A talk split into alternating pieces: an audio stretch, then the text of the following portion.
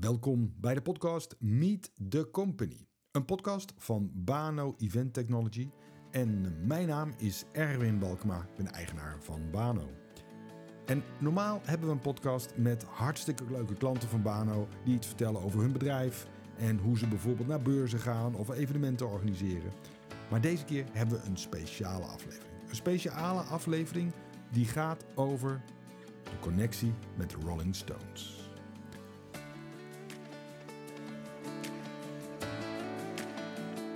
Ja, en dan zult u zich afvragen, ja, Rolling Stones, ja, natuurlijk grote band. Iedereen kent het natuurlijk wel, iedereen kent er wel nummers van. Maar wat heeft Bano er dan precies mee te maken? Nou, Bano is in 1963 begonnen. Mijn vader heeft zich dan ingeschreven bij de Kamer van Koophandel. En in 1967 kreeg hij een telefoontje of hij wel het geluid wou doen voor een bandje in de Houtrushallen in Den Haag. Nou, dat wou hij wel. En hij ging met zijn vriend die kant op, aan de Doedens. En samen hebben ze het geluid verzorgd voor de Rolling Stones. En dat vinden wij natuurlijk wel hartstikke leuk. Maar ik wil er toch wel even iets meer over vertellen. En bijvoorbeeld wil ik eens even kijken naar wat is nou eigenlijk het muzieklandschap wat dan in 1967 er is. Wat is nou de muziek die in de top 10 staat bijvoorbeeld van uh, dat jaar? Nou, ik zal het u laten horen.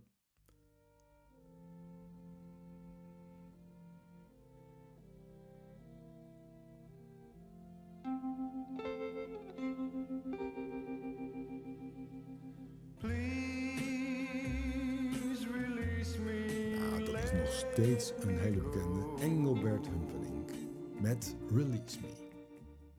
Maar we komen ook op nummer 8 de Rolling Stones tegen. She would never say where she came from. Met Ruben Tuesday. Yesterday don't matter if it's gone. En op nummer 7 zelfs nog een keer. Maar dan met Let's Spend the Night Together.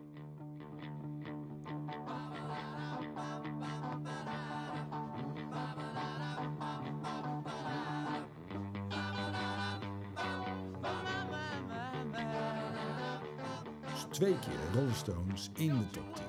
Maar wat staat er dan op nummer 2? Ook een zeer bekend nummer.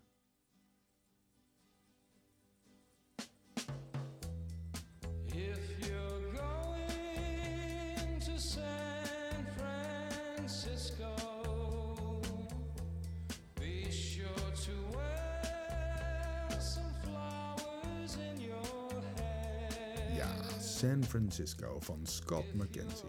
Zijn enigste hit, dus eigenlijk een one-time wonder. Ja, dit is het landschap waar de Rolling Stones zich in begeeft. Natuurlijk ook nummers van de Beatles, die op dat moment natuurlijk nog een stukje populairder zijn. En bijvoorbeeld All You Need Is Love.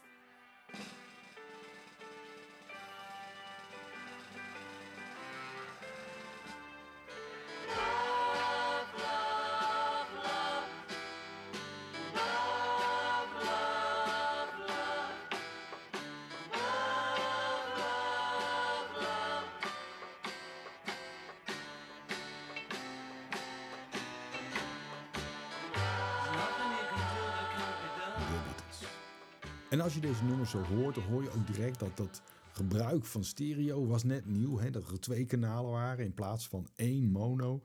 En daar werd nog heftig mee geëxperimenteerd. Ja, dit is de, Rolling, dit is de muziek waar de Rolling Stones zich in begeeft.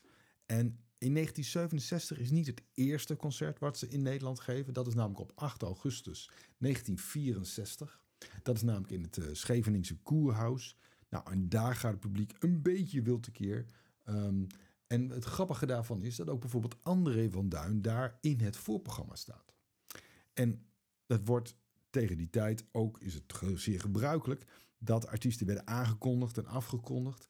En dat wordt natuurlijk nog steeds wel gedaan. Maar toen werd dat bijvoorbeeld gedaan door Jos Brink, die dat aan elkaar moest eh, praten. Ja, wat is dan eigenlijk een tour in de jaren 60 voor de Rolling Stones? Nou, de tour startte op 25 maart en eindigde op 17 april. En ze deden in totaal 27 shows. Ja, heel vaak gewoon twee tegelijk.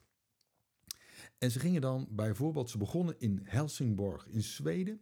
En twee dagen later waren ze in Örebro. Uh, daarna gingen ze naar Bremen, Cologne, Dortmund, Hamburg, Wenen, Bologna, Rome, Milaan, Parijs, ook Warschau. Wat heel bijzonder was dat er een band naar het Oostblok eigenlijk ging. Zurich en op 15 april 1967 gingen ze naar Den Haag. En ik vind 15 april wel leuk, want uh, dat is ook mijn geboortedatum. Dus dit zijn de tours, dus 24 uh, optredens. En wat speelden ze dan? Want ze hebben natuurlijk hartstikke mooi ook een uh, tour setlist. En daar hebben we net al, uh, ook al wat nummers van gehoord. Maar ze speelden bijvoorbeeld het nummer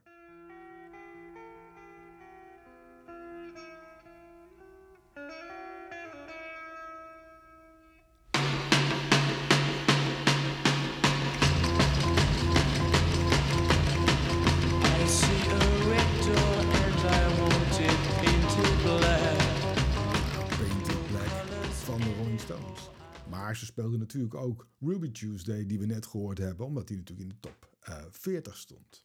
Maar ook al het nummer.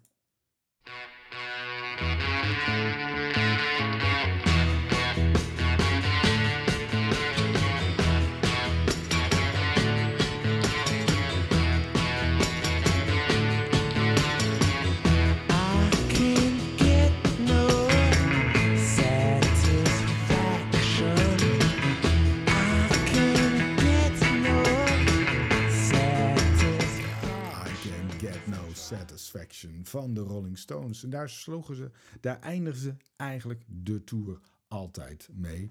En dat is heel grappig, want dat is 1967 dat ze dus eindigden met I Can Get No Satisfaction. Maar als je kijkt naar de tourlijst van 2022, dat ze weer in Nederland optraden, toen sloten ze ook af met I Can Get No Satisfaction.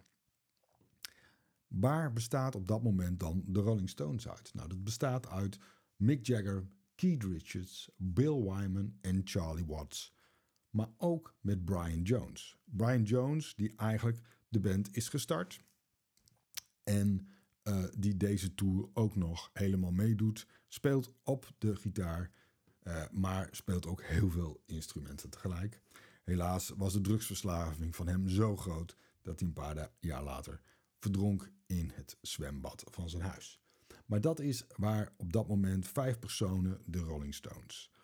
En ik heb met mijn vader overlegd van, ja, uh, maar hoe deed je dat dan? Wat versterkte je dan in die tijd? Wat had je dan bijvoorbeeld bij zich? Nou, hij had 200 volt versterkers bij zich en 15 klankzuilen. En klankzuilen zijn luidsprekerboxen ongeveer van 15 centimeter breed, 1,20 meter lang en zo'n 15 centimeter diep.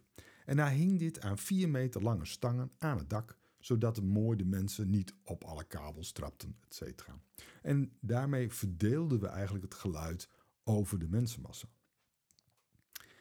Er werden op dat moment maar vijf microfoons uh, gebruikt voor de mensen die wel gingen, bijvoorbeeld gingen zingen.